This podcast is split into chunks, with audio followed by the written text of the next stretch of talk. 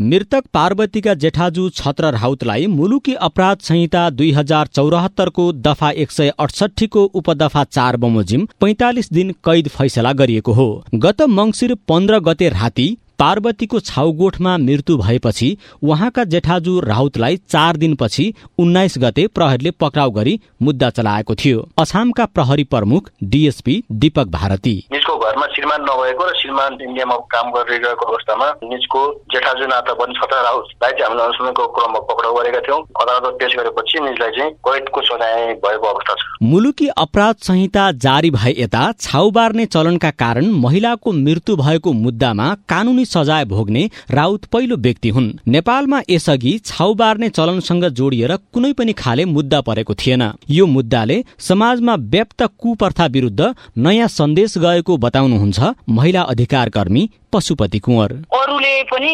गाउँघरमा चाहिँ ए अब हामीले चाहिँ गोठमा बस्यो भने परले लिन्छ पालमा बस्यो भने पनि जोसुकै हाम्रा विभिन्न सेवा सुविधा वञ्चित हुन्छ भन्ने कुरा चाहिँ एकदम व्यापक सन्देश गएको छ। पक्राउ परेका राउतलाई यसअघि जिल्ला अदालतमा भएको थुनछेक बहसपछि हिरासत बाहिरै बसेर अनुसन्धानमा सहयोग गर्ने कबुलमा पक्राउ परेको पच्चिस दिनपछि पन्ध्र हजार धरौटीमा रिहा गरिएको थियो। अदालतको अन्तिम फैसलापछि राउतले थप बीस दिन जेल बस्नुपर्ने थियो। तर फौजदारी कार्यविधि संहिताको एक वर्ष भन्दा कम कैद सजाय पाउनेहरूको हकमा नगद जरिवाना तिरेर कारागार बस्न नपर्ने व्यवस्था अनुसार उनी घर फर्किएका छन्। जिल्ला अदालत अछामका श्रेष्ठदार प्रेम प्रकाश थापा। जिल्ला अदालतमा पहिलो पटक यो प्रकृतिको मुद्दा दायर भएको।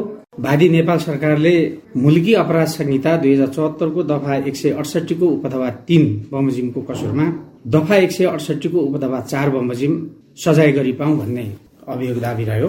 यी प्रतिवादीलाई एक महिना पन्ध्र दिन कैद हुने ठहर्यो। सुदूरपश्चिम र कर्णाली प्रदेशका विभिन्न जिल्लामा महिनावारी हुँदा छाउगोठमा बसेकै कारण महिला तथा किशोरीहरूको मृत्यु हुने क्रम नरोकिँदा सरकारले कानून कार्यान्वयनमा कडाई गरेको छ। छाउगोठमा बसेकै कारण अछाममा हालसम्म चौध जना महिला तथा किशोरीहरूको मृत्यु भइसकेको छ। Dhruva Bishi CIN radio society FM Achham.